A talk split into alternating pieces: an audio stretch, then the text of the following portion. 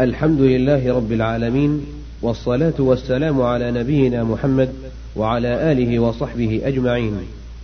يسر إخوانكم في المكتبة السمعية بوقف السلام الخيري أن يقدم لكم المجموعة الأولى من سلسلة الدروس العلمية لكبار العلماء.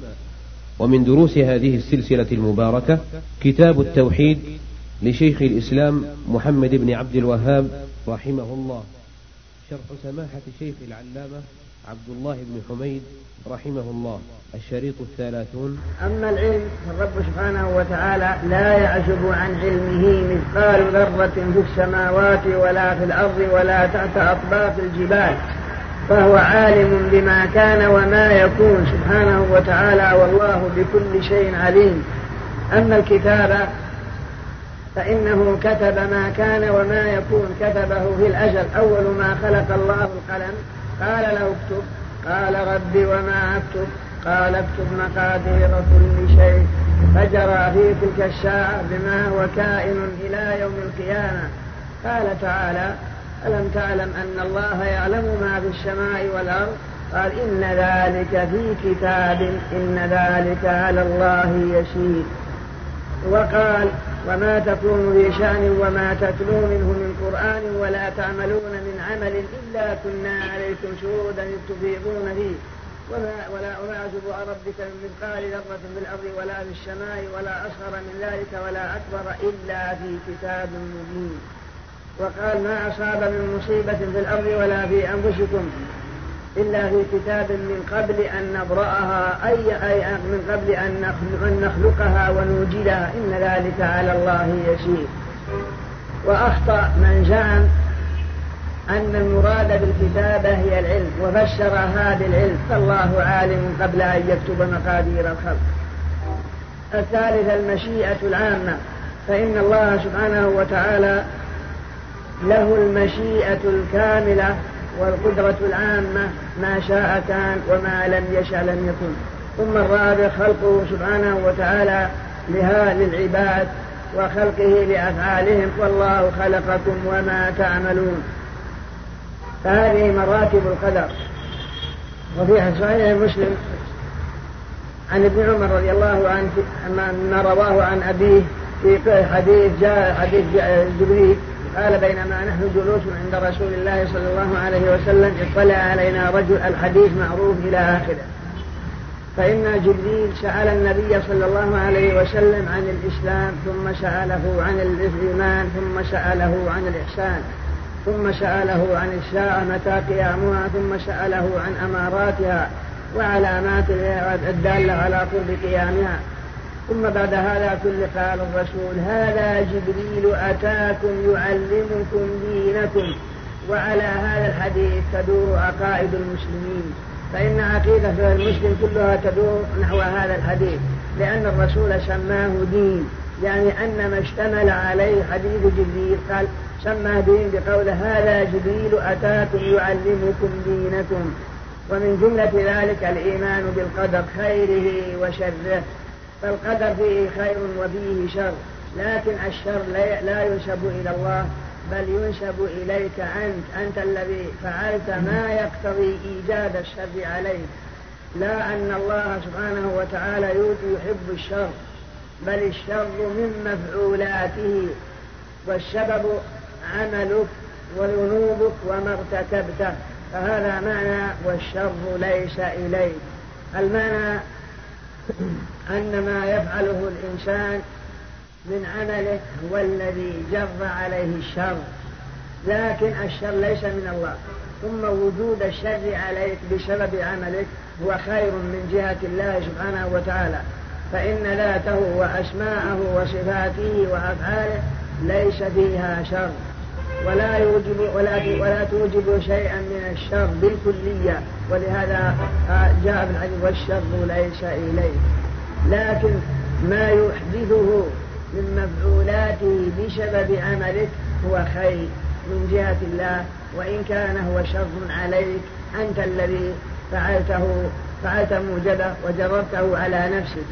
فمن أمثلته ذلك مما يقربه لفهمك قال لو أن ملكا من الملوك عادل كان من شأنه كل من ارتكب جريمة أدب.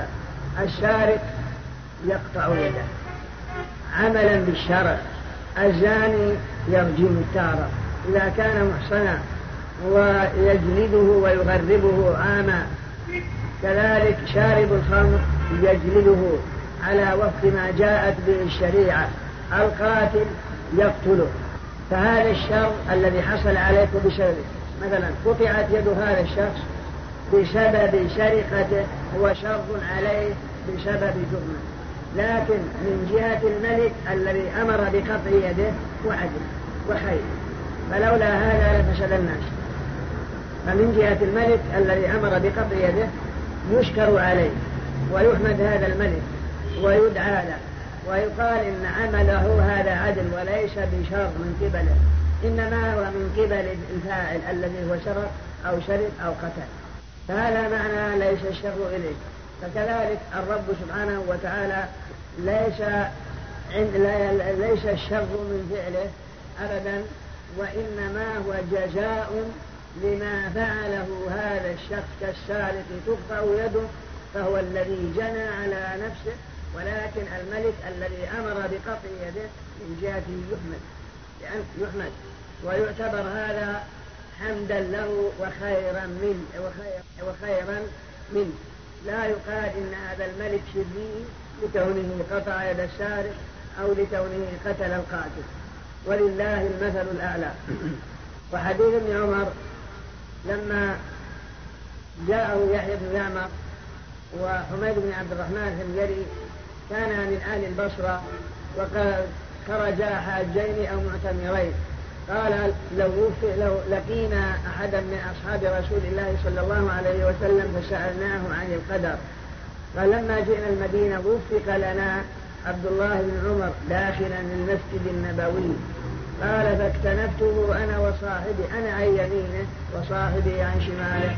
فظننت أن صاحبي سيكل الكلام إلي. فقلت له أبا عبد الرحمن إنه خرج قبلنا أناس يقرؤون القرآن ويتكفرون العلم يعني يدعون العلم يزعمون ألا قدر وأن الأمر أنوف يعني جديد. معنى أنوف مأخوذ من الاستئناف الذي هو أمر مستأنف جديد.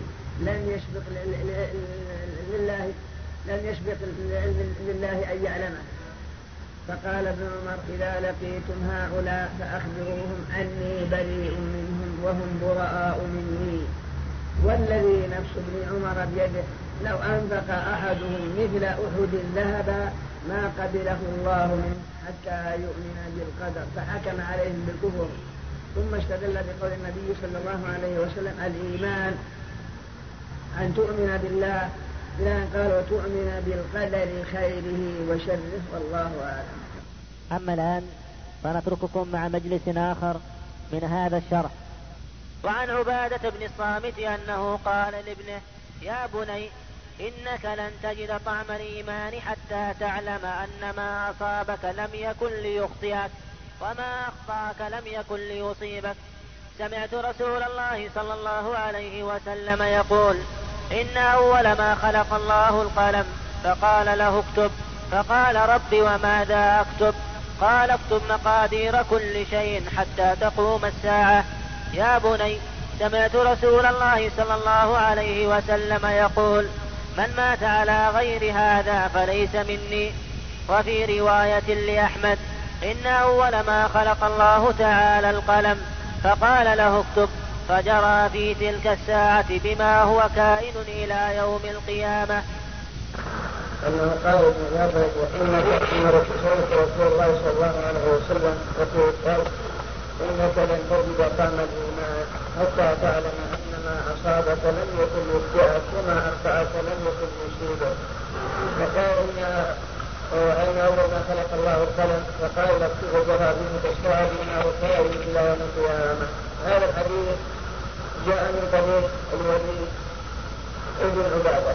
قال فقال دخلت على أبي أن عبادة دخلت على أبي وأنا أتخايل فيه الموت فقلت له يا أبتي أوصني واجتهدني فقال يا بني سمعت رسول الله صلى الله عليه وسلم يقول لن يجد عبد طعم الإيمان حتى يعلم أن ما أصابه لم يكن ليخطئه وما أخطأه لم يكن يصيبه وقال إن من مات على يد هذا كان من أهل النار.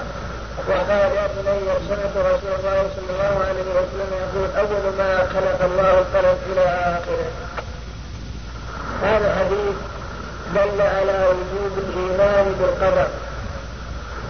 وأنه كما تقدم ركن من أركان الإيمان الستة.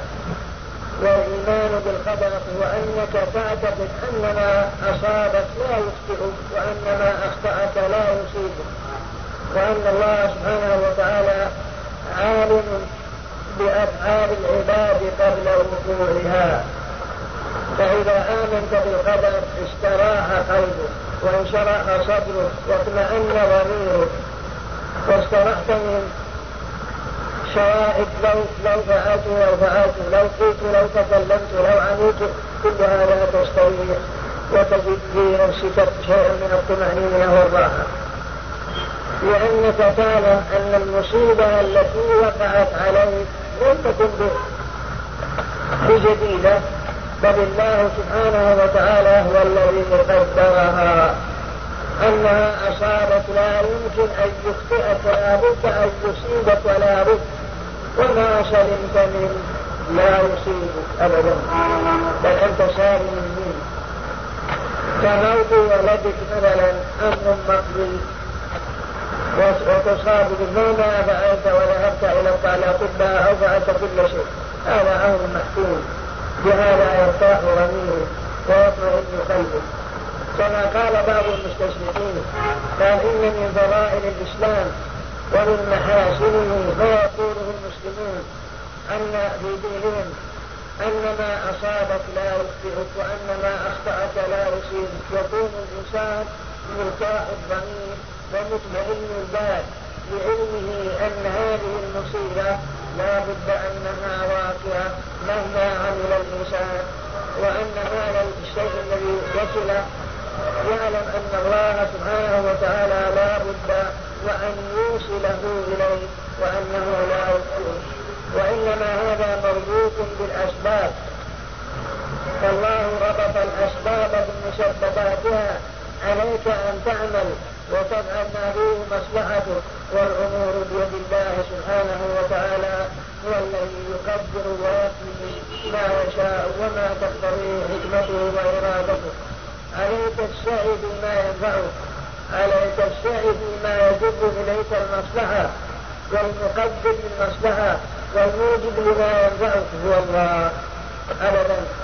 وعليك السعي في الابتعاد عن كل ما يضرك وعن كل ما يؤذيك فابتعد عنه واتق كل شر.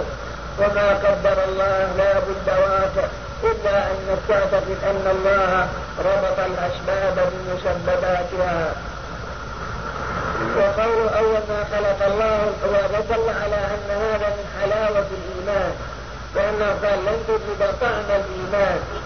فالإيمان له في القلب حلاوة وبشاشة ومن حلاوة الإيمان أن المصيبة التي وقعت يخف وقعها عليك متى اعتقدت أن الله قدرها عليك قبل أن تسلم فإنك تجد شيئا من الراحة. ولهذا تقدم للحديث ثلاث ثلاث من كن وجد بهن حلاوة الإيمان أن يكون الله ورسوله أحب إليه مما سواهما فإذا امتلأ قلبك من محبة الله رضيت بما قدر الله. وإذا امتلأ محبتك من لرسول الله صدقت رسول الله بما يقول والتي من جملة الإيمان بالقدر. وقوله أول ما خلق الله القلم فجرى به تلك الساعة بما هو كائن إلى يوم القيامة. القلم خلقه الله وبعدما خلق أمره أن يكتب. فكتب مقادير الخلق متى تولد ومتى تموت وماذا يجري عليك في حياتك وما يجري عليك بعد وفاتك كل ذلك مكتوب. كما في حديث المسعود إن أحدكم يجمع خلقه في بطن أمه أربعين يوما نطفة ثم أربعين يوما علقة ثم أربعين يوما مضغة هذه أربعين أي أربعة أشهر يعني مئة وعشرين يوما ثم يرسل إليه الملك فيؤمن ويقول يا رب قال اكتب فيقول ربنا ماذا أكتب؟ قال اكتب رزقه وأجله وعمله وشقاوته وسعادته. يكتب في بطن أم الإنسان. وقد كتب بالأجل قبل هذا كله كما تقدم. فدل على أن هذا جرى به القلم ومن أنكر علم الرب في هذا فهو كافر ولهذا قال الرسول ناظر القدرية بالعلم. إن جحدوه كفروا وإن أقروا به خصموه هذا هو السبب أول ما خلق الله القلم فقال له اكتب قال ربي وما أكتب. فجأ ثم قادر كل شيء. فجرى في تلك الساعة بما هو كائن إلى يوم القيامة. وجاء بحديث أول ما خلق الله كان الله ولا شيء قبله وكان عرشه على الماء ومن ثم اختلف العلماء. هل خلق الله العرش قبل القلم؟ أم خلق القلم قبل العرش؟ قولان لأهل السنة وهذا ابن جرير إلى أن القلم خلق قبل. ولكن الصواب أن الذي خلق الأول هو العرش. الحديث كان الله ولا شيء قبله وكان عرشه على الماء الواو واو الحال فدل على أن أول مخلوقات الله العرش أما أول ما خلق الله القلم يعني من هذا العالم الموجود. فأول ما خلق الله من هذا العالم القلم وقد أشار إلى خلاف العلامة ابن قيم النورية فقال والناس مختلفون في القلم الذي والناس مختلفون في القلم الذي كتب القواعد من البيان هل كان قبل العرش أو قبله؟ قولان عند أبي على الهمداني ثم قال والحق أن العرش قبل لأنه قبل الكتابة صار لا أركان. فهو رجع رحمه الله إلى أن العرش قبل.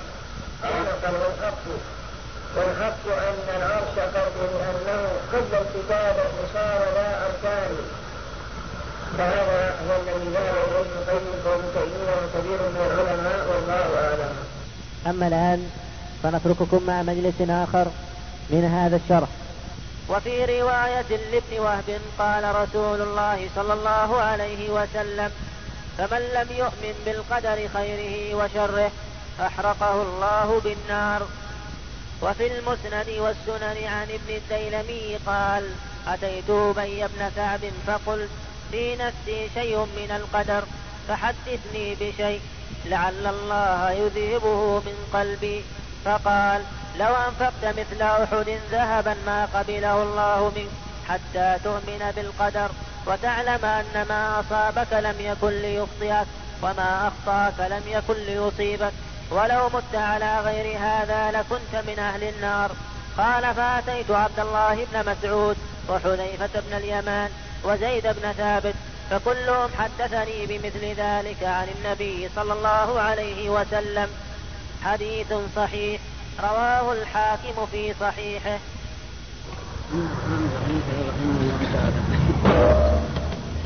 وفي رواية من لم يؤمن بالقدر أحرقه الله بالنار.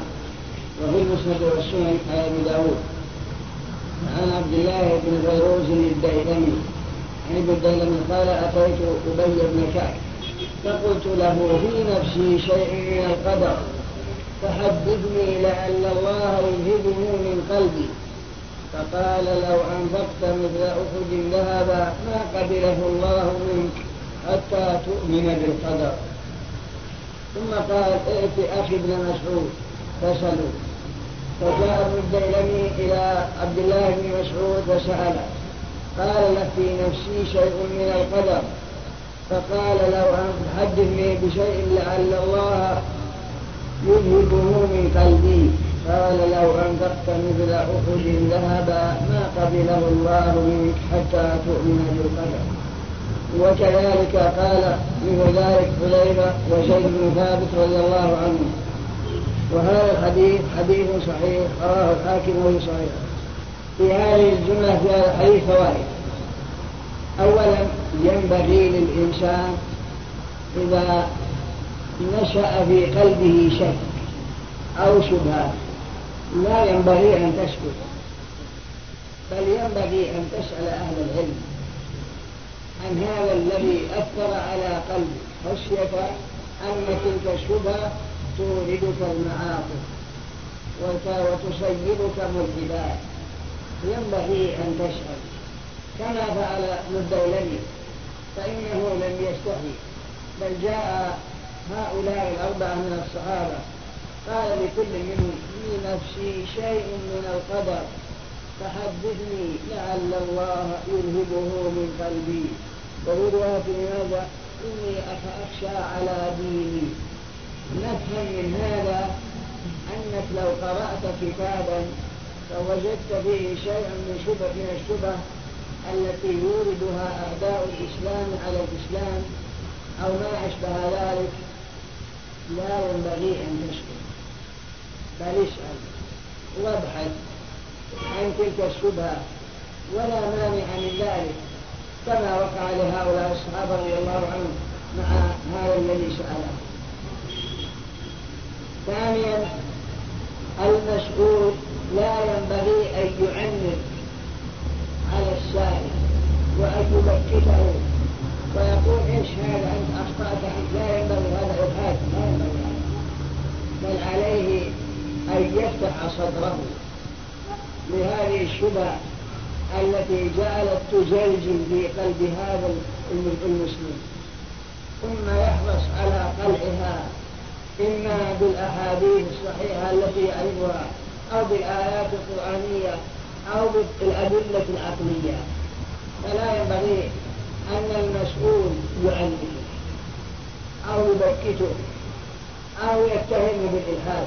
ما جاء يسأل إلا خوفا على دين فعل هؤلاء الصحابة حينما استفتاهم وسألهم الديلمي فهم لم يعنفوه ولم يبكتوه بل حددوه وكل منهم يقول يا بلا أخي كل ذلك حرصا على اقتلاع تلك الشبهة من قلبه وجعل قلبه أبيض.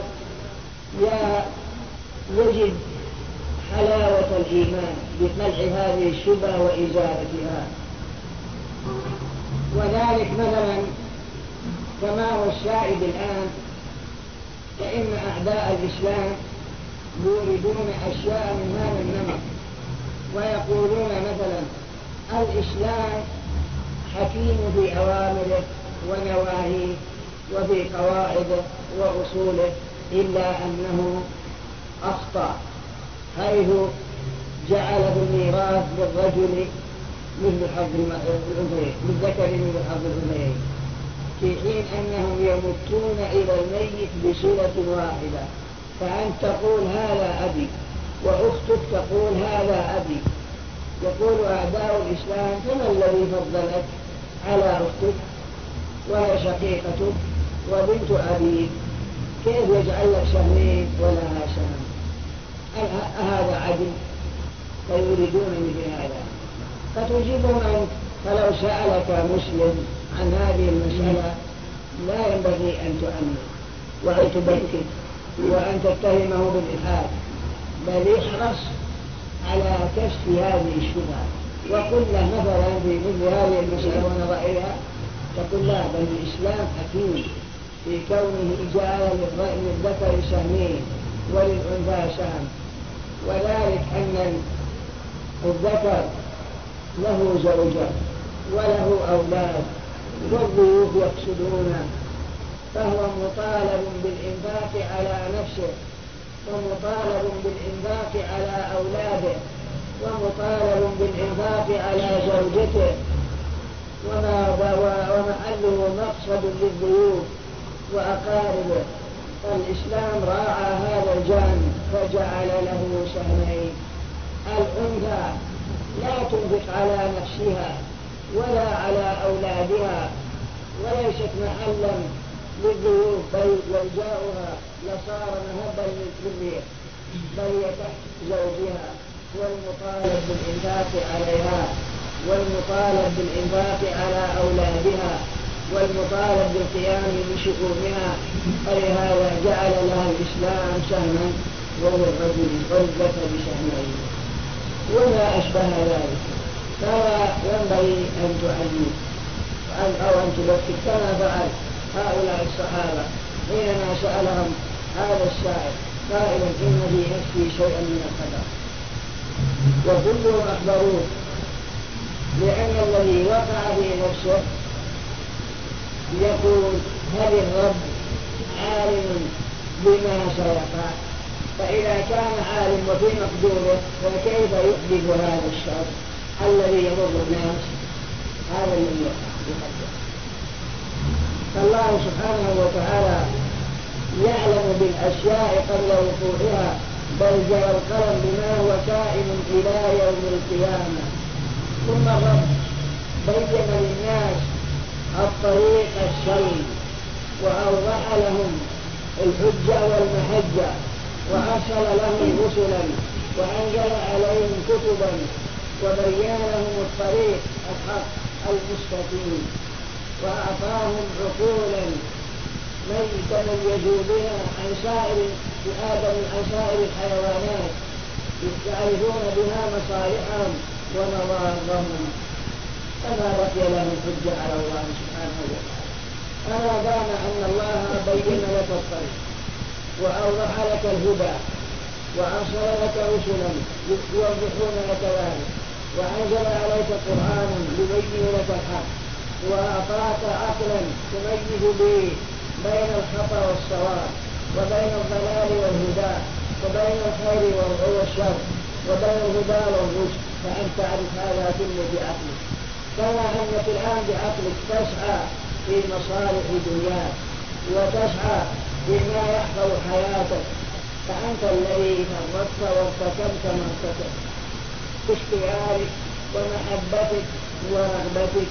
الله سبحانه وتعالى لم لم يكن لك عليه أن يحجه بعد هذا البيان وبعد هذا الإيمان ولهذا قال لو أنفقت مثل أحد ذهبا ما قبله الله منه حتى تؤمن بالقدر بأن تعلم أن ما أصابك لم يكن ليخطئك وما أخطأك لم يكن ليصيبك وهذا حديث صحيح رواه الحاكم في صحيحه والله أعلم. أما الآن فنترككم مع مجلس آخر من هذا الشرح. باب ما جاء في المصورين. عن أبي هريرة رضي الله عنه قال قال رسول الله صلى الله عليه وسلم قال الله تعالى ومن أظلم ممن ذهب يخلق كخلقي فليخلقوا ذره أو ليخلقوا حبة أو ليخلقوا شعيرة. اخرجاه ولهما عن عائشة رضي الله عنها أن رسول الله صلى الله عليه وسلم قال أشد الناس عذابا يوم القيامة الذين يضاهئون بخلق الله. ولهما عن ابن عباس سمعت رسول الله صلى الله عليه وسلم يقول كل مصور في النار يجعل له بكل صورة صورها نفس يعذب بها في جهنم. ولهما عنه مرفوعا. من صور صورة في الدنيا كلف أن ينفخ فيها الروح وليس بنافخ. أي من النهي عن التكفير والوعيد الشديد لمن تعاطى ذلك. على لكن هنا سؤال. قد تقول ما وجه إدخال هذا الباب في كتاب التوحيد؟ لأن مقصود كتاب التوحيد هو بيان التوحيد الذي خلق الله العباد لأجله وبيان ما ينافي التوحيد من الشرك الأكبر وبيان ما ينافي كماله الواجب من الشرك الأصغر وبيان الذرائع المقربة إلى الشرك إلى الشرك. وبيان الوسائل الموصلة إليه. وبيان البدع القادحة في التوحيد.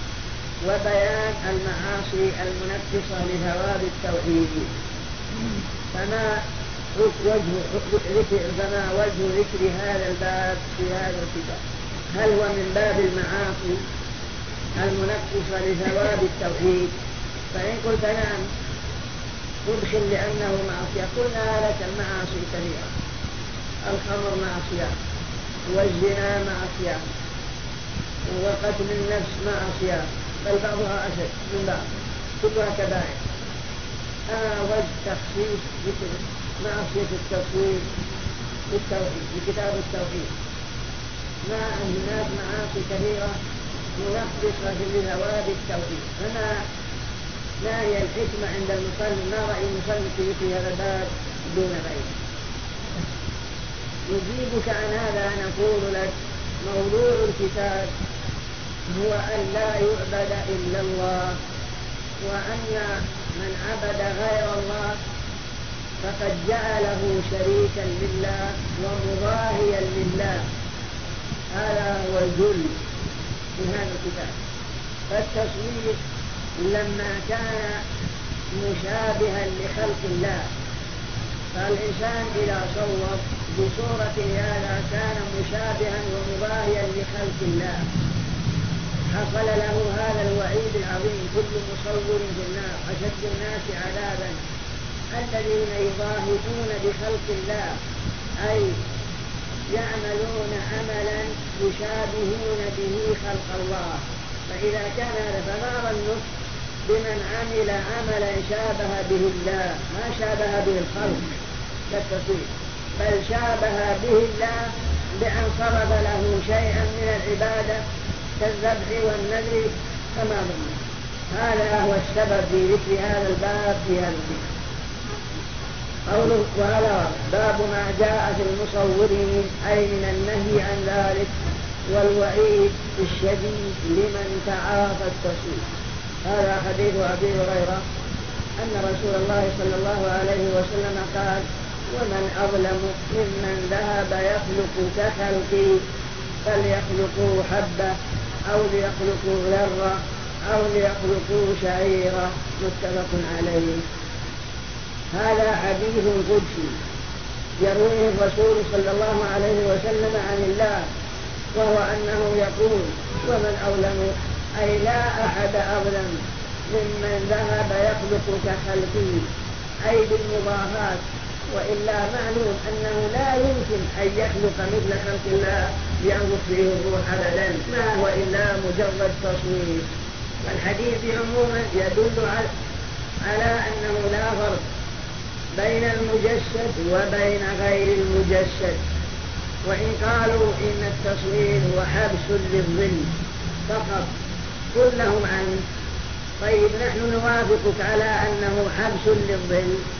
فهل عندك من دليل على أن حبس الظل جائز؟ هل نوافقك نقول حبس ظل. مماثل لصورة هذا الشخص بعينه. فهل عندك من دليل يخرج هذا عن عمومات الأحاديث وعما فهمه علماء المسلمين قديما وحديثا؟ نحن نوافق كنا حبس هل عندك من دليل على أن حبس الظل وهو صورة الإنسان في ورقة أو في قماش أن ذلك جائز؟ لا يستطيع أن يعطيك دليل. إنما سمعوا الناس يقولون حبس ظل. الذي يقولون. فهو جعل يفرق ولا يقول هذا حبس المنتصر طيب حبس ما يفعل. سوى حبس ولا باليد ولا بشيء. هذا جائز. هل عندك دليل؟ فإذا قال إنه مثل المرآة قل هل المرآة يرجع فيها شيء؟ ويرجع إن جاءت النصوص بأنه لا مانع أنت تناظر وجهك فقط ولكن لا لا تمسك الرزق ما في شيء. واستدل أيضا بهذا الحديث على تحريم الصور سواء كان له روح أو مما لا روح فيه كالشجر والحجر أن ذلك لأنه مظاهر لخلق الله ولأن هذا الحديث ومن أظلم ممن ذهب يخلق كخلقه بل يخلق حبة. معلوم أن الحبة ما له؟ أو ليخلقوا ذرة؟ نعم روح أو ليخلقوا شعيرة؟ ما له. قالوا هذا يدل على تعميم التحريم سواء كان له أو ما له. لكن المسألة خلافية بين أهل العلم. وهو ما لا روح له. فالحنابلة يجوزون تصوير ما لا روح له كالجبال والبيوت والأشجار. ويروى عن عباس رضي الله عنه قال مصور إذا كان ولا بد فمما لا روح له. والذي نهى ابن عباس معلوم أنه لا يصور تصوير المجسمات ما هي إلا حبس ظل ولهذا نهى ابن مسعود رضي الله عنه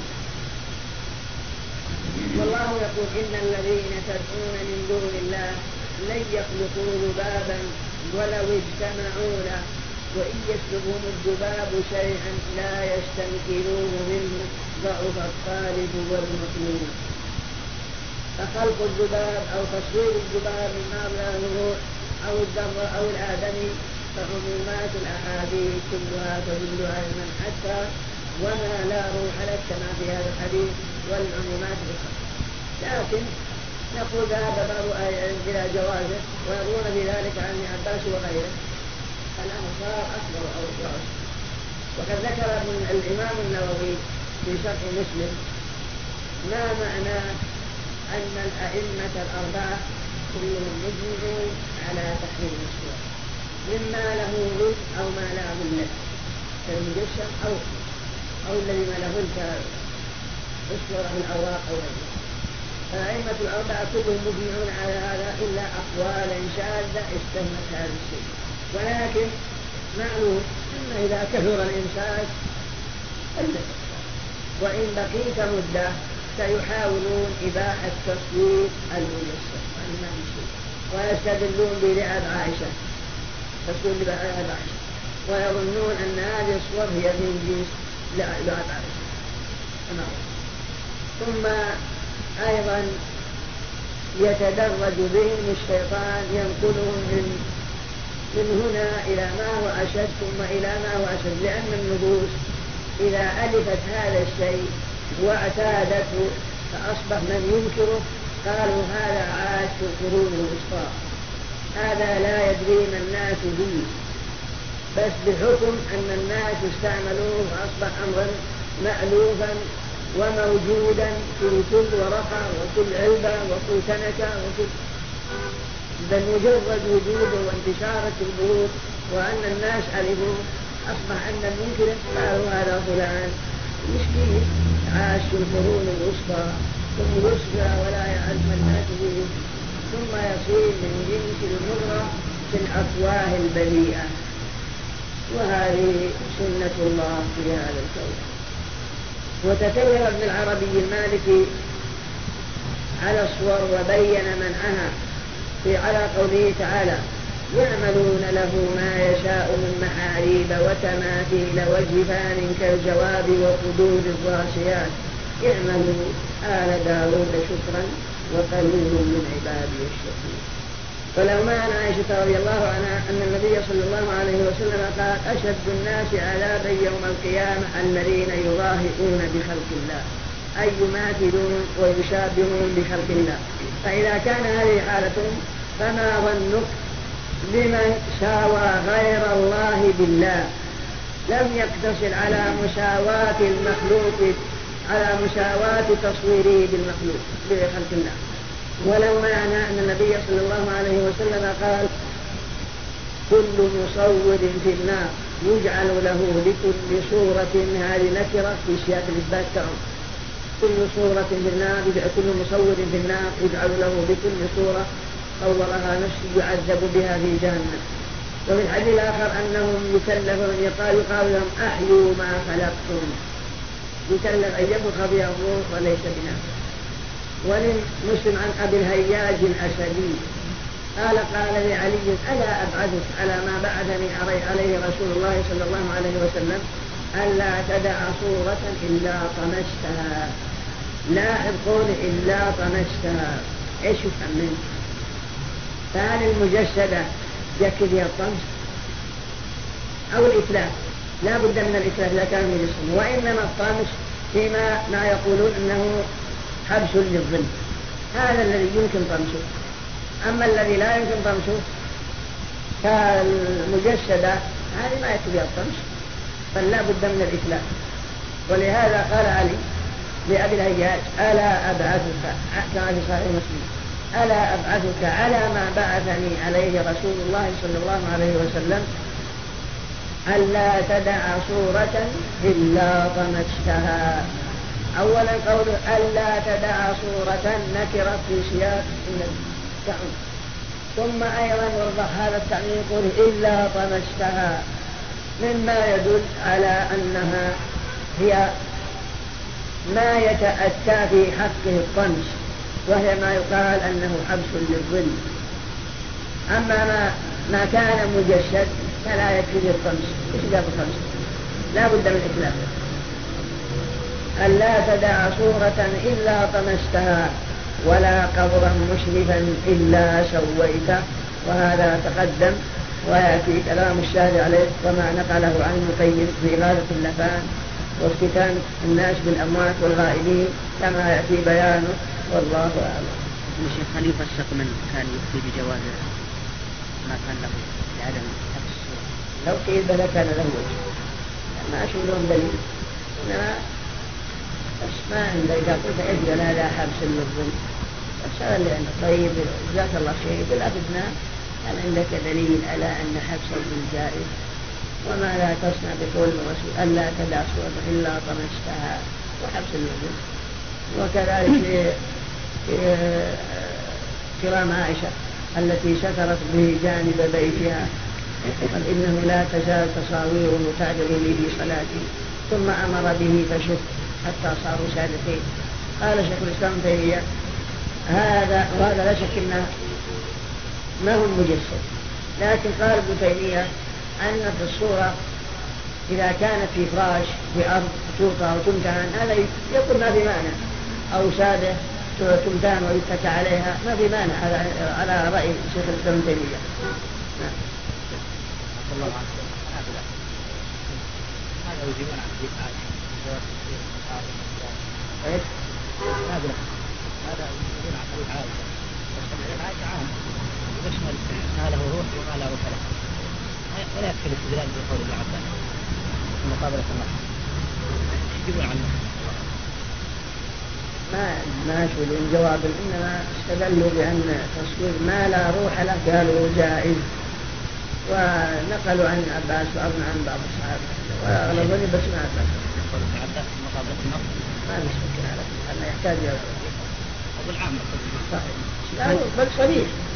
ومن أظن من ذهب من يخلق فليخلق, فليخلق حبة يخلق شعيرة. واضح. لأنها شيخ عبدت في أشجار وبيت على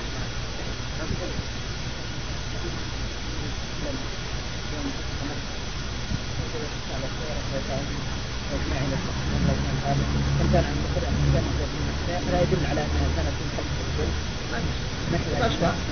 لو كانت غير مجسدة. ولهذا دعا بماء وحكم.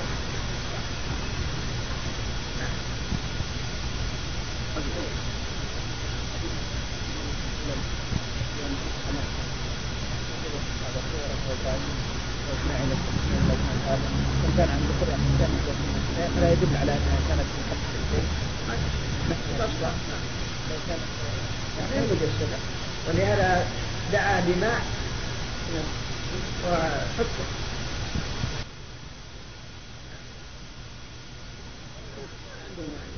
انما شيء عادي يلتمسون ما في مسألة كثير ثم افتخر بالنووي في فصل طيب لم يكن في إزالة الحرمة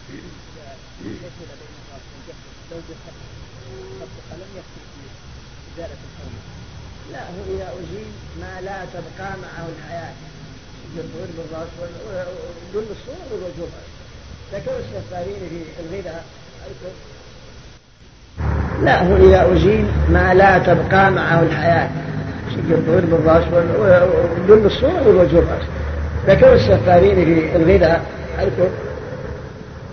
لما ذكر الصور وتحريمها وأن لابد أن يزال ما لا تبقى معها قال قال ما منع لو خط على الحلق خطا قال يعني إشارة أن نذبح خط على الحلق يعني كان هذا هذا هذا محل الستين هل هذا كاري؟ قال لا هذا يجي ذهره ونقول هذا هذا ما يكفي.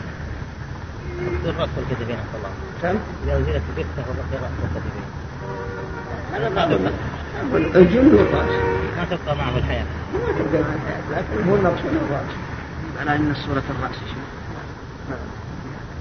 لا لا ما يجي ما دام ما تبقى معه الحياة خلاص. إيش؟ إيش؟ ما لا روح له راجع هو الحين ليش تقتصر على قول حلال أنا ما شاء ما تجوزوا وقالوا من حلال ما يفعلوا معتقدين تحريم لا هو لكن جوزوا كل شيء حتى ما فيه روح جوزوا مرة فقالوا ان حال شيء وجودت بس بناء على ان هذا شيء فقط ولا حديث لا تدخل الملائكة بيتا فيه سورة بالنظر إلى أن الصور الآن ما بدي كنت إلا على السورة علب علبة حليب علبة صابون أي شيء جريد كتاب أبدا يعني وإذا كثر الإمساك فلا نكفى هذا يعني إيش؟ ما تدع احد هذه الا بطنه. شو يقول إيش؟ فتنة تدع احد هذه الماء الا تمص بطنه. قالوا ما الصورة؟ أما الآن فنترككم مع مجلس آخر من هذا الشرح. ولمسلم عن أبي الهياج قال قال لي علي ألا أبعثك على ما بعثني عليه رسول الله صلى الله عليه وسلم؟ ألا تدع صورة إلا طمستها ولا قبرا مشرفا إلا سويته. ولمسلم عن أبي الهياج الأسدي. قال قال لعلي رضي الله عنه ألا أبعدك على ما بعثني عليه رسول الله صلى الله عليه وسلم الا تدع صورة إلا طمستها ولا قبرا مشرفا إلا سويته تضمن هذا الحديث مسألتين. المسألة الأولى ما هي وهي مسألة التصوير وقد تقدم الكلام عليها وأن القول الصحيح الذي عليه محققو أهل العلم والذي تشهد له الأدلة من نصوص رسول الله صلى الله عليه وسلم تحريم الصور سواء كان له ظل أو لم يكن له ظل لعمومات الأحاديث ولما يدل له هذا الحديث ألا تدع صورة إلا طمستها إذ أن الطمس إنما يكون فيما له فيما لا ظل له. لا يلتفت إلى قول ما هو إلا حبس ظل وقد سبق أن كنا يطالب هذا بالدليل. فنقول لنا نقول له نعم وإن كانت حبس ظل فهل عندك من دليل يزوج هذا؟ من كتاب أو سنة أو قول صحابي. فإنه لا يستطيع. وهذا تقدم.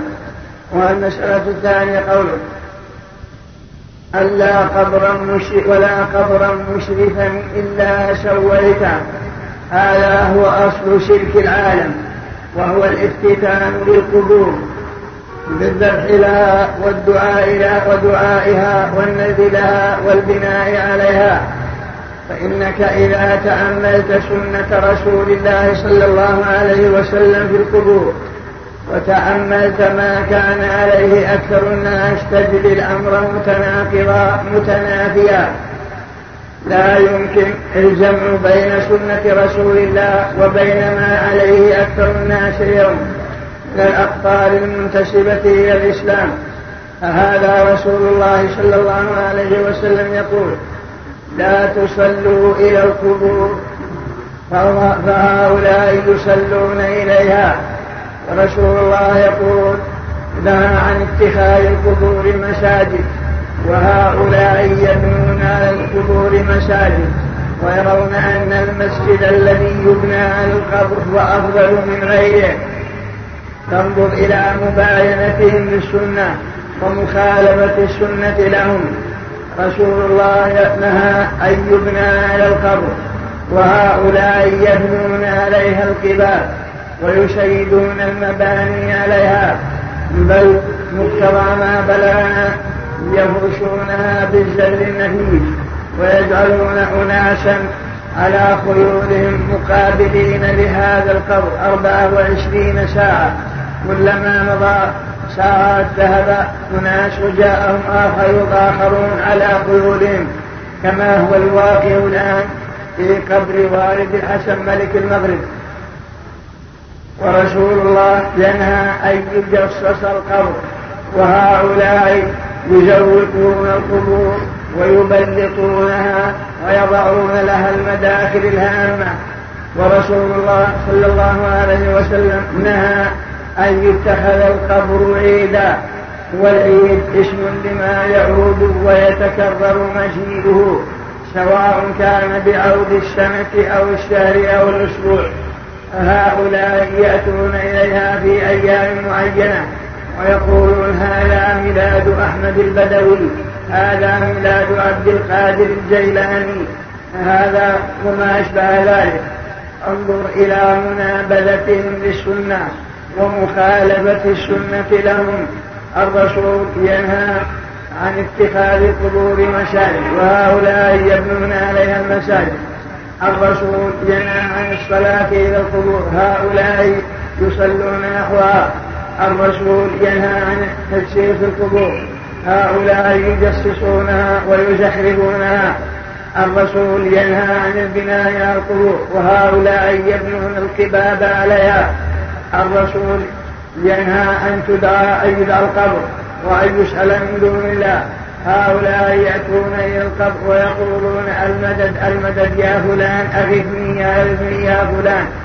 ألا أيبقى لهؤلاء الإسلام مع مخالفتهم لصريح وصحيح سنة رسول الله صلى الله عليه وسلم. ويقول شيخ الإسلام تيمية من جعل, من جعل بينه وبين الله وسائل يرجو ويظن أنه يرفع حوائجه إلى الله فهو كافر إجماعا باتفاق المسلمين. فانظر إلى ما كان عليه أكثر الناس اليوم وهذا هو بعينه من جنس شرك الأولين الذين بعث بهم النبي صلى الله عليه وسلم. فإن قوما منهم يعبدون الأشجار وآخرون يعبدون القبور.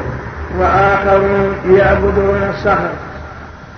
وهكذا فرقوا دينهم كما قال تعالى أفرأيتم اللات والعزى ومناة الثالثة الأخرى ألكم الذكر وله الأنثى؟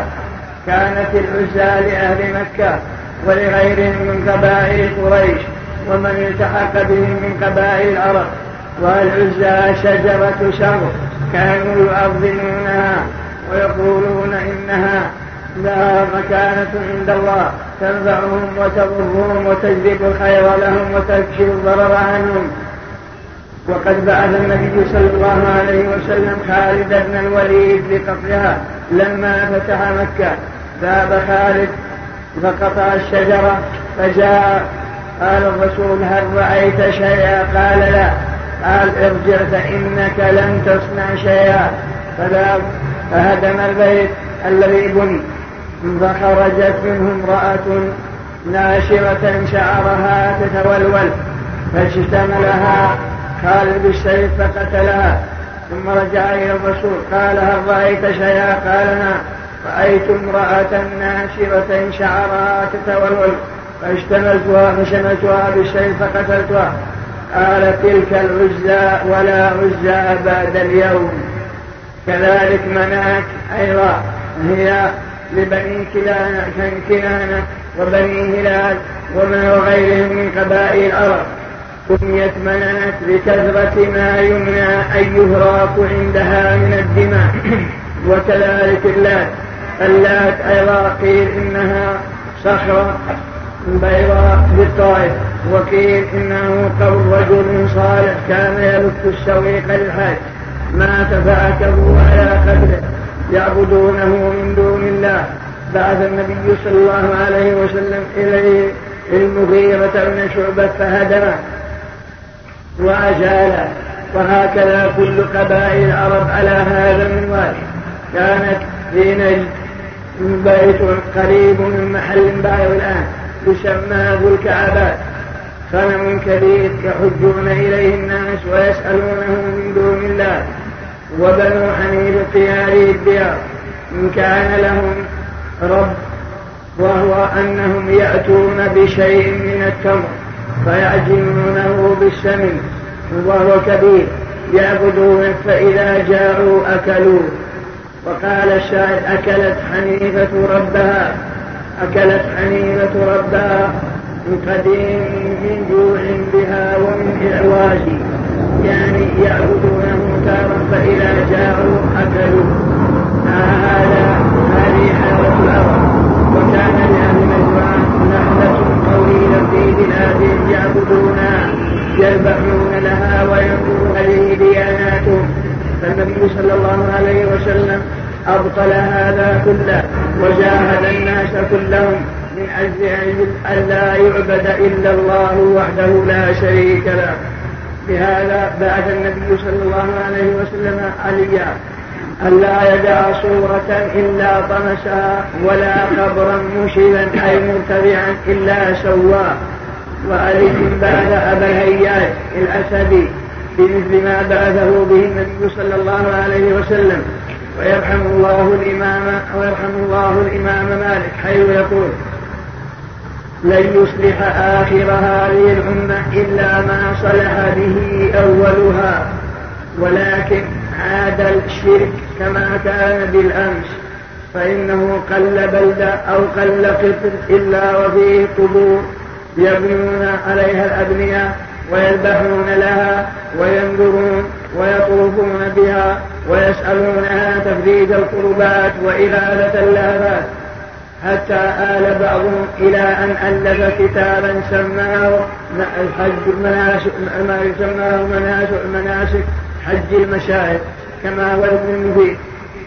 فقرر أنه يطاف بقبر الحسين في العراق وأن الإنسان إذا جاءه يطوف به ويحلق رأسه تعظيما له. أي شرك أعظم من هذا الشرك وأي بلاء أكبر من هذا البلاء. ولكن كما قال النبي صلى الله عليه وسلم لتتبعن سنن من كان قبلكم حذو القذة بالقذة حتى لو دخلوا جحر رب لدخلتموه. قالوا يا رسول الله اليهود والنصارى قال فمن؟ أي من المأنيون إلا أولئك. وقد ترجم البخاري في صحيحه. قائلا باب تغير الزمان حتى تعبد الأوثان. قال يريد بهذه الترجمة أنه بقدم تعاهد السنة وبعدهم عما جاءت به الرسل. لا بد وأن يعودوا إلى وثنيتهم وأن يعبدوا الأوثان ويطلبون منها ما لا يقدر عليه إلا الله. فقال باب تغير الزمان حتى تعبد الأوثان وساق بسنده لا عن هريره لا تقوم الساعة حتى تضطرب اليات نساء دوس عند ذي الخلصه ومن هذه الترجمه ترجمة المؤلف رحمه الله التي تقدمت في هذا الكتاب. وهي باب ما جاء أن بعض هذه الأمة يعبد الاوثان وساق الآيات في ذلك كقوله تعالى ألم تر إلى الذين أوتوا نصيبا من الكتاب يؤمنون بالجبت والطاغوت ويقولون للذين كفروا هؤلاء أهدى من الذين آمنوا سبيلا أولئك الذين لعنهم الله ومن يلعن الله فلن تجد له نصيرا. يريد مصلي بهذا. أنه لا بد أن يقع في علماء هذه الأمة نظير ما وقع في علماء اليهود والنصارى من تفضيلهم الباطل ودعوتهم إلى الباطل وردهم السنة مع علمهم بها. وهذا وقع في بعض من بعض علماء هذه الأمة. فهم ينصرون الباطل ويؤلفون المؤلفات مع علمهم أن ما ألفوه باطل وأن ما قرروه كذب كما وقع لدحلان. فإن دحلان ألف كتابا سماه أسمى المطالب في إسلام أبي طالب. لما طلب من إيرانيين الشيعة أن يؤلف الكتاب في مقابلة من الناس يسبحونه له وهو يعرف أن أبا طالب مات في الصحيحين وغيرهما. وقد قال لي بعض علماء مكة إن دحلان يقول أنا أعتقد أن أبا طالب مات على غير الإسلام وإنما ألفت هذا الكتاب هو لأجل الشيعة بناء على طلبهم في مقابلة مال بذلوه له. كما أنه أيضا يسوق أحاديث يرد بها الحق يختلطها من نفس هو ويضعها على رسول الله صلى الله عليه وسلم. وأمثاله كثير وكثير.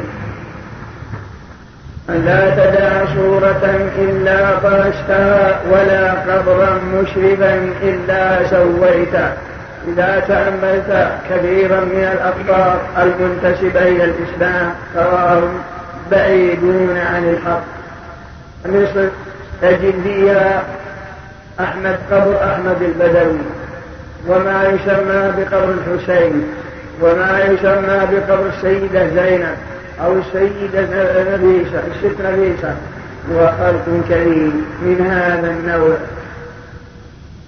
إن عندكم من سلطان بهذا فأتوا برهانكم إن كنتم صادقين فإنهم لم يستطيعوا ولن يستطيعوا أن يبرزوا سنة عن رسول الله صلى الله عليه وسلم تبرر موكبهم من إقامة تلك الموارد وزيارة البدوي وتعليق المؤلفات في مشابه في ولايته.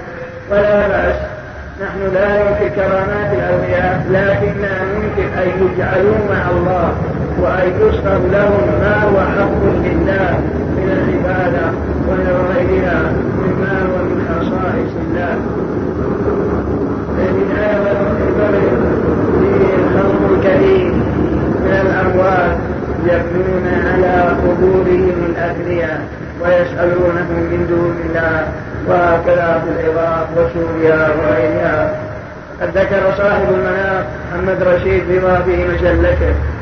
كتابا ورده من شخص يقال له سيف اليماني في سنغافورة وساق الكتاب برمته في مجلته. وحاصل هذا الكتاب هو أن سيف اليماني كتب محمد رشيد رضا لأن بينهما مكاتبات. ويسأل عن مشاهداته في بعض الجزر البحرية فمن جملة ما قال يقول زرت جزيرة فيها رجل من العلم فانتظرته وحوله تلاميذه ينتظرون ليقرأوا عليه. قال لما أقبل سجدوا له كما يسجدون لله الكبير المتعال. فأعظمت هذا وأخبرته كيف يسجدون لغير الله؟ إقال إلا أني غريب ووحيد وبريد لا أستطيع أن أنكر شيئا. لكن سألت أحد التلاميذ سؤالا لطيفا فقلت له لم سجدتم للشيخ؟ قال إن الشيخ من أفاضل العلماء. وهو آدم عليه السلام حلت به. والله أمر الملائكة أن تسجد لآدم. فنحن لسنا أفضل من الملائكة. فإذا كانت الملائكة سجدت لأبينا آدم وروحه حلت في جسم هذا الشيء فنحن أحق أن نسجد له. قال فأكبرت الأمر وأعظمته وبكيت واستغفرت. كيف هذا يوجد أن يسجد لغير الله؟ قال فذهبت إلى جزرة أخرى من من الجزر الهندية. قال فدخلت البلد وإذا في المسجد قبر الناس يطوفون حوله ويبكون ويستغيثون به.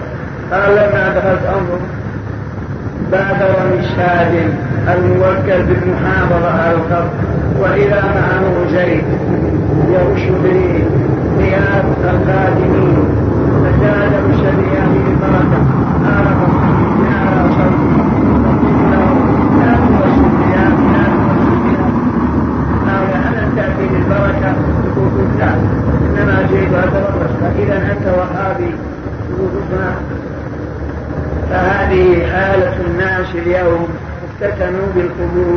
والعبادة من دون الله وكل من كان على وقت سنة رسول الله يلقبونه بالوهاب نعم اللقب ما دام أنه موافق لسنة رسول الله صلى الله عليه وسلم.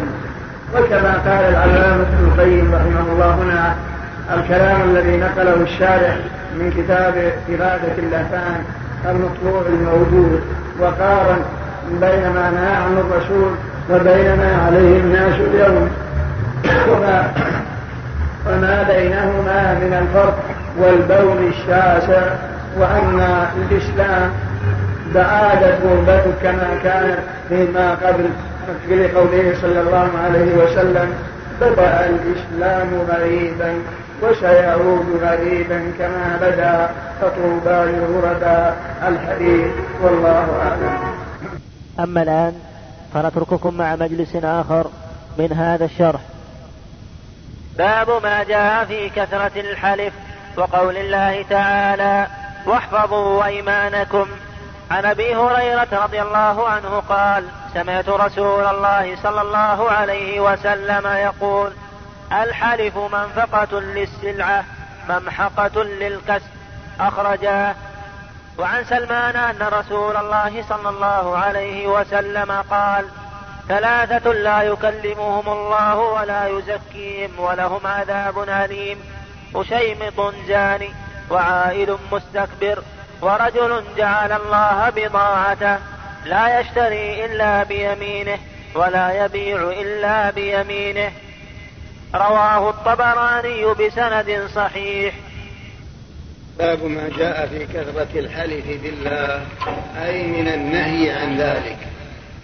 لا يجوز للإنسان أن يكثر الحلف ودائما لا يتكلم إلا بلا والله وبلا والله وما أشبه ذلك. وهذا بخلاف لغو اليمين الذي يجري على اللسان من غير قصد.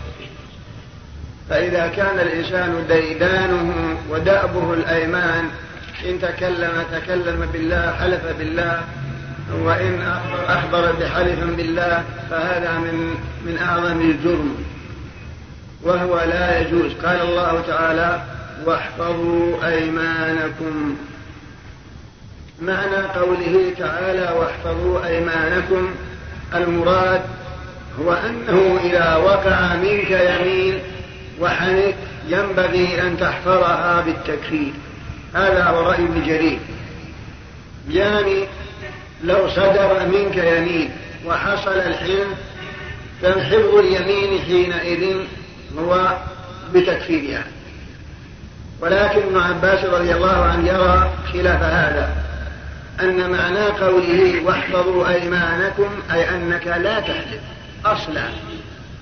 فأنت إذا حلفت لم تكن حافظا ليمينك حتى ولو كفرت. وإنما المراد واحفظوا أيمانكم أي أنك لا تبذل اليمين. ودائما اليمين على لسانك. بل أمسك لسانك. لا تعرض الله سبحانه وتعالى في أيمانك دائما والله والله وبالله تالله وما أشبه ذلك. وقيل إن المعنى إذا حلفت فبر في قسمك لا تحلف. كما لو قلت والله لا أبيع هذا الشيء. لا تبيع بل احتفظ بيمينك. لكن القولين القولان الآخران متلازمان. والمعنى وأنك تتحفظ على اليمين بأن لا تبذلها ولا تعود لسانك على الحلف بالله سواء كفرت أو لم تكفر. فإذا وقع منك شيء من ذلك وحنث فلا بد من التكفير. ومراد المصنف بهذه الترجمة هو أن الإنسان في حالة بيعه وشرائه ومكالمته للناس ومخالطته لهم ينبغي أن يتحفظ على يمينه وألا يبذلها وألا ينتهك حرمة الله. فإن المحلوف به وهو الله أجل وأعظم من أن تحلف به وأنت كاذب أو تحلف به في أمور تافهة أو تحلف به ثم تحلف. عن أبي هريرة رضي الله عنه أن رسول الله صلى الله عليه وسلم قال الحلف منفقة للسلعه ممحقه للكاش. معنى منفقة للسلعه وأنك إذا حلفت يمينك هذه تسبب إلى أن سلعتك تشترى منك. كما لو قلت للمشتري قال لك المشتري؟ بكم اشتريت هذه الأرض؟ قلت والله إني شاريها مئة ألف. صدقك شراها منكم مكسب مئة وعشرة. والواقع أنك شاريها بخمسين ألف. فهذه بسبب يمينك درجت أرضك أو سلعتك أو سيارتك أو هذا الذي جئتك. لكن هذا المكسب الذي تحصل يمينك مآله إلى الذهاب والتباب وعدم انتفاعك به. فهو ممحقة للكشف لأنه لم يأتك على الوجه الشرعي بل أتاك هذا الزيادة وهذا المكسب بسبب أيمانك الفاجرة. فهذه اليمين الفاجرة التي حلفت بالله أن انتقصت المحلوف به حيث حلفت وأنت كاذب. وغررت هذا الذي حلفت له بأن صدقك واشتراها منك على حسب ما قلت. واتضح أن الأمر غير صحيح. فما توصلت إليه من هذا الكسب بسبب هذه اليمين الفاجرة مآله إلى المحاق والذهاب وعدم الانتفاع به. فهذا معنى قوله صلى الله عليه وسلم الحلف منبقة للسلعة ممحقة للكسب وعن سلمان رضي الله عنه أن رسول الله صلى الله عليه وسلم قال ثلاثة لا يكلمهم الله يوم القيامة ولا يزكيهم ولهم عذاب أليم مشيمط زاني فقول ثلاثة لا يكلمهم الله ولا يزكيهم ولهم عذاب أليم. مشيمط زاني وعائل مستكبر ورجل جعل الله بضاعته لا يشتري إلا بيمينه ولا يبيع إلا بيمينه. هذا هو الشاهد من الحديث للترجمة. قوله عن سلمان هو سلمان الفارسي وهو من أفاضل الصحابة وأجلائهم وعلمائهم وقصة إسلامه مشهورة معلومة. ذكرها ابن هشام في السيرة وذكرها غيره. أسلم مقدم النبي صلى الله عليه وسلم بميناء إلى المدينة وكان عبدا. اشتري وكان يغرس يعمل في في نخل سيده والقصة معروفة. لكنه من أفاضل الصحابة وقد قال في حقه النبي صلى الله عليه وسلم سلمان منا أهل البيت. مما يدل على فضله بخلاف عمه أبي لهب الذي هو من أشراف العرب ومن صميم بني هاشم ومع هذا حيث لم يقبل ما جاء به الرسول. صار من أشقى هذه الأمة وأخبر الله بأنه يسلى في نار جهنم كما أنزل الله في ذمه قرآنا يتلى إلى يوم القيامة. وقال الشاعر في هذا المعنى لقد رفع الإسلام سلمان فارس ووضع الشرك الشقي أبا لهب. ثلاثة لا يكلمهم الله يوم القيامة. فيه إثبات صفة الكلام لله سبحانه وتعالى. وأن الله يكلم من أطاع واتبع سبيله وأنه لا يكلم من عصاه. وخالف أوامره. وكلام الله جل وعلا يثبته أهل السنة والجماعة أن الله يتكلم حقيقة على وجه يليق بجلاله كما دل عليه القرآن العزيز والسنة النبوية. قال الله تعالى تلك الرسل فضلنا بعضهم على بعض منهم من كلم الله. وقال وكلم الله موسى تكليما. وقال ولما جاء موسى لميقاتنا وكلمه ربه وقال وإن أحد من المشركين استجارك فأجره حتى يسمع كلام الله. فهذا القرآن المتلو بألسنتنا الموجود في مصاحفنا والمحفوظ في صدورنا وكلام الله حقيقة تكلم به على وجه يليق بجلاله لا نقول إن كلامه مثل كلام المخلوقين لا. حاشا ليس كلامه ككلامنا من أنه مركب من لسان وشفتين ولذا لا. فكما أن ذاته لا تشبه ذوات المخلوقين فكذلك صفاته لا تشبه صفات المخلوقين.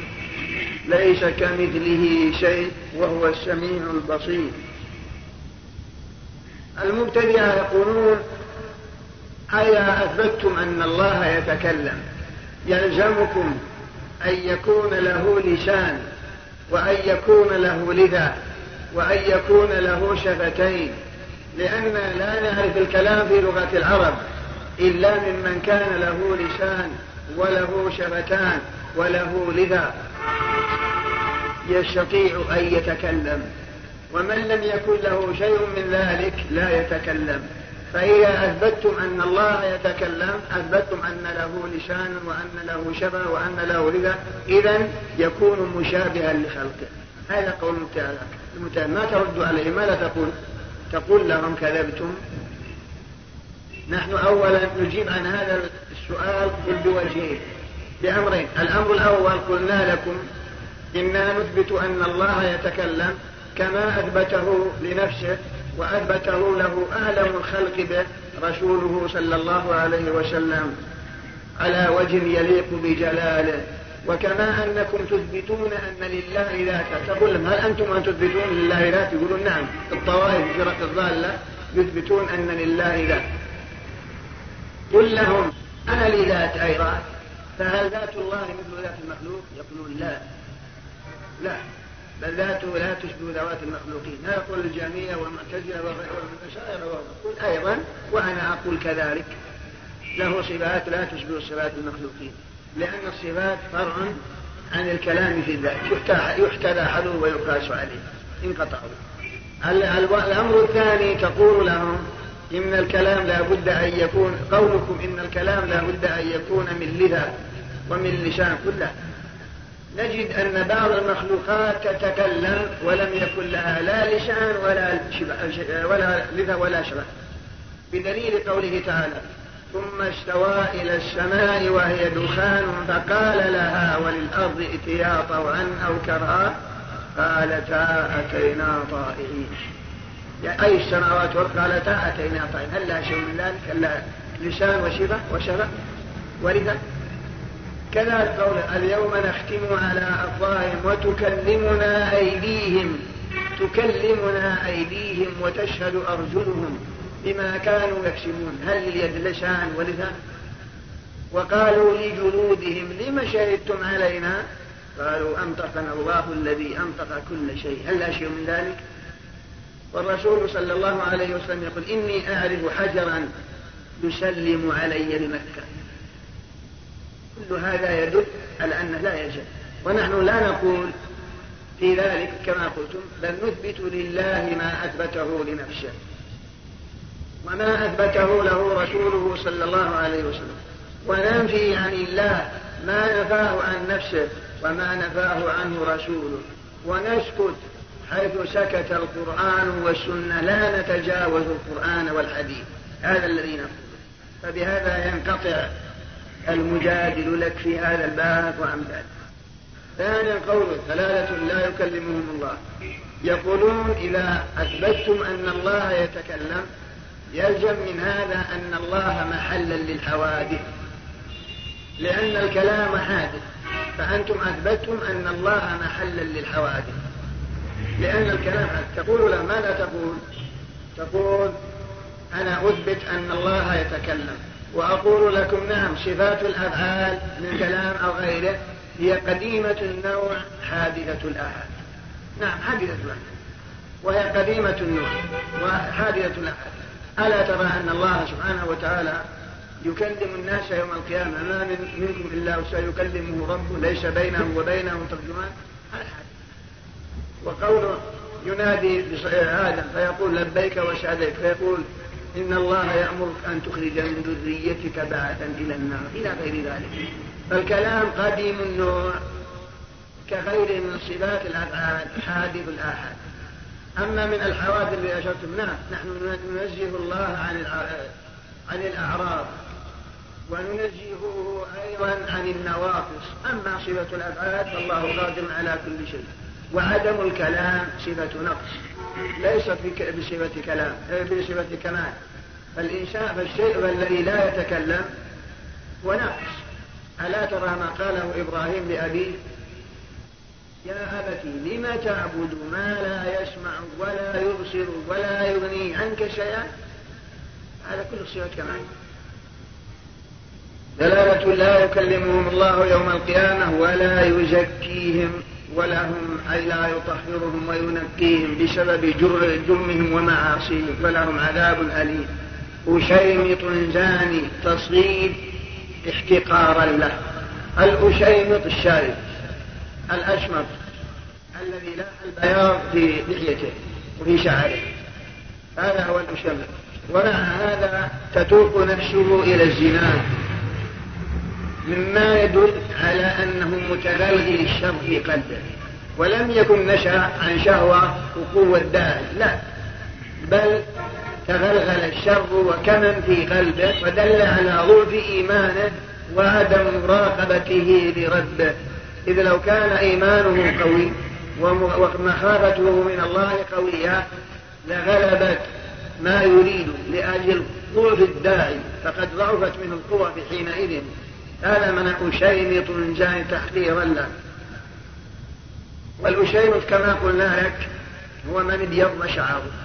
قال بعضهم أن الإنسان إذا ابيض شعره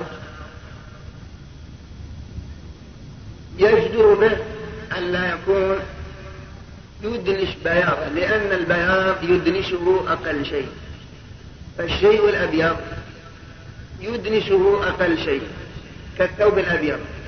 فأقل وشاحة تدنشه فهذا الذي وصل إلى هذه إلى هذا السن وإلى بيضاء الشعر فأقل شيء يدنش حينئذ.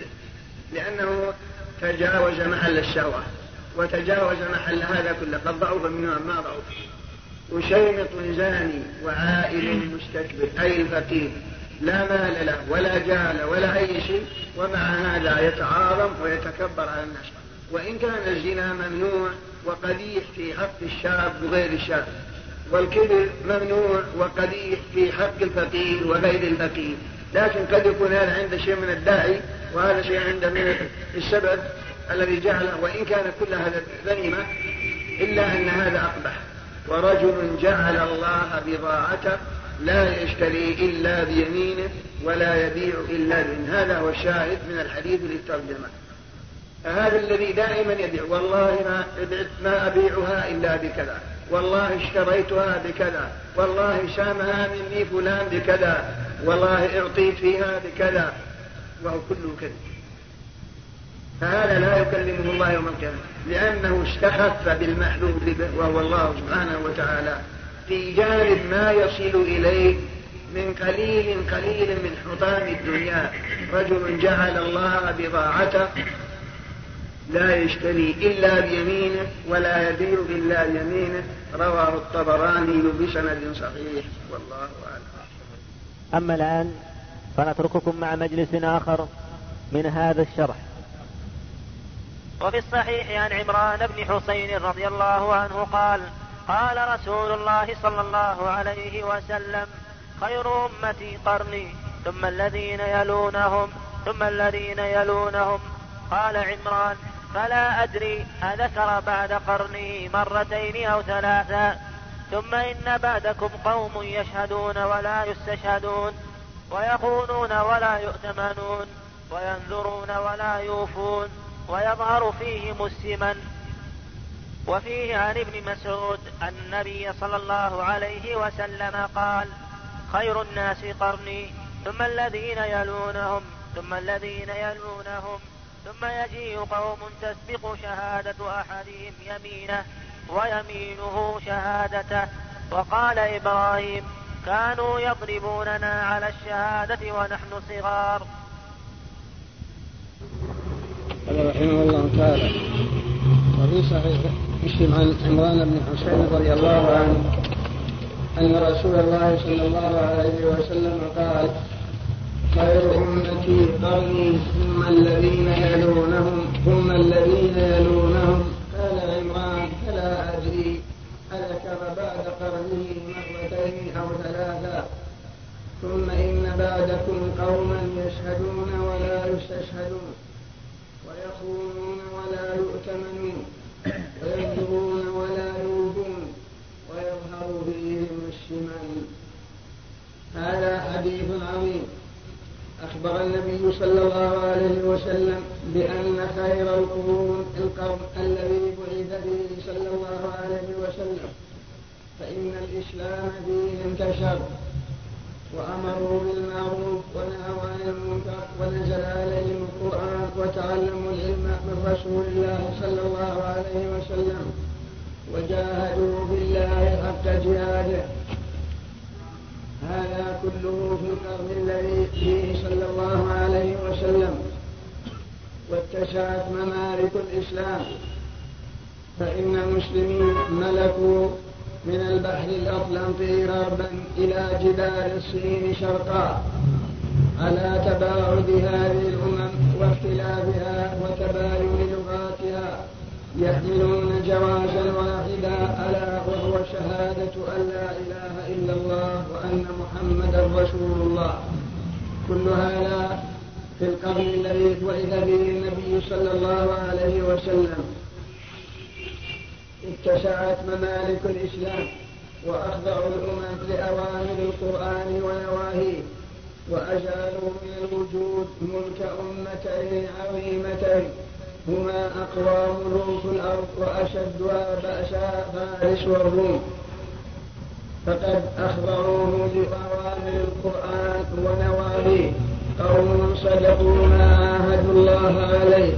فأنجز لهم ما وعدهم مجدا في الدنيا وأجرا في الآخرة. هذا هو شأن القرن الأول شأن القرن الأول.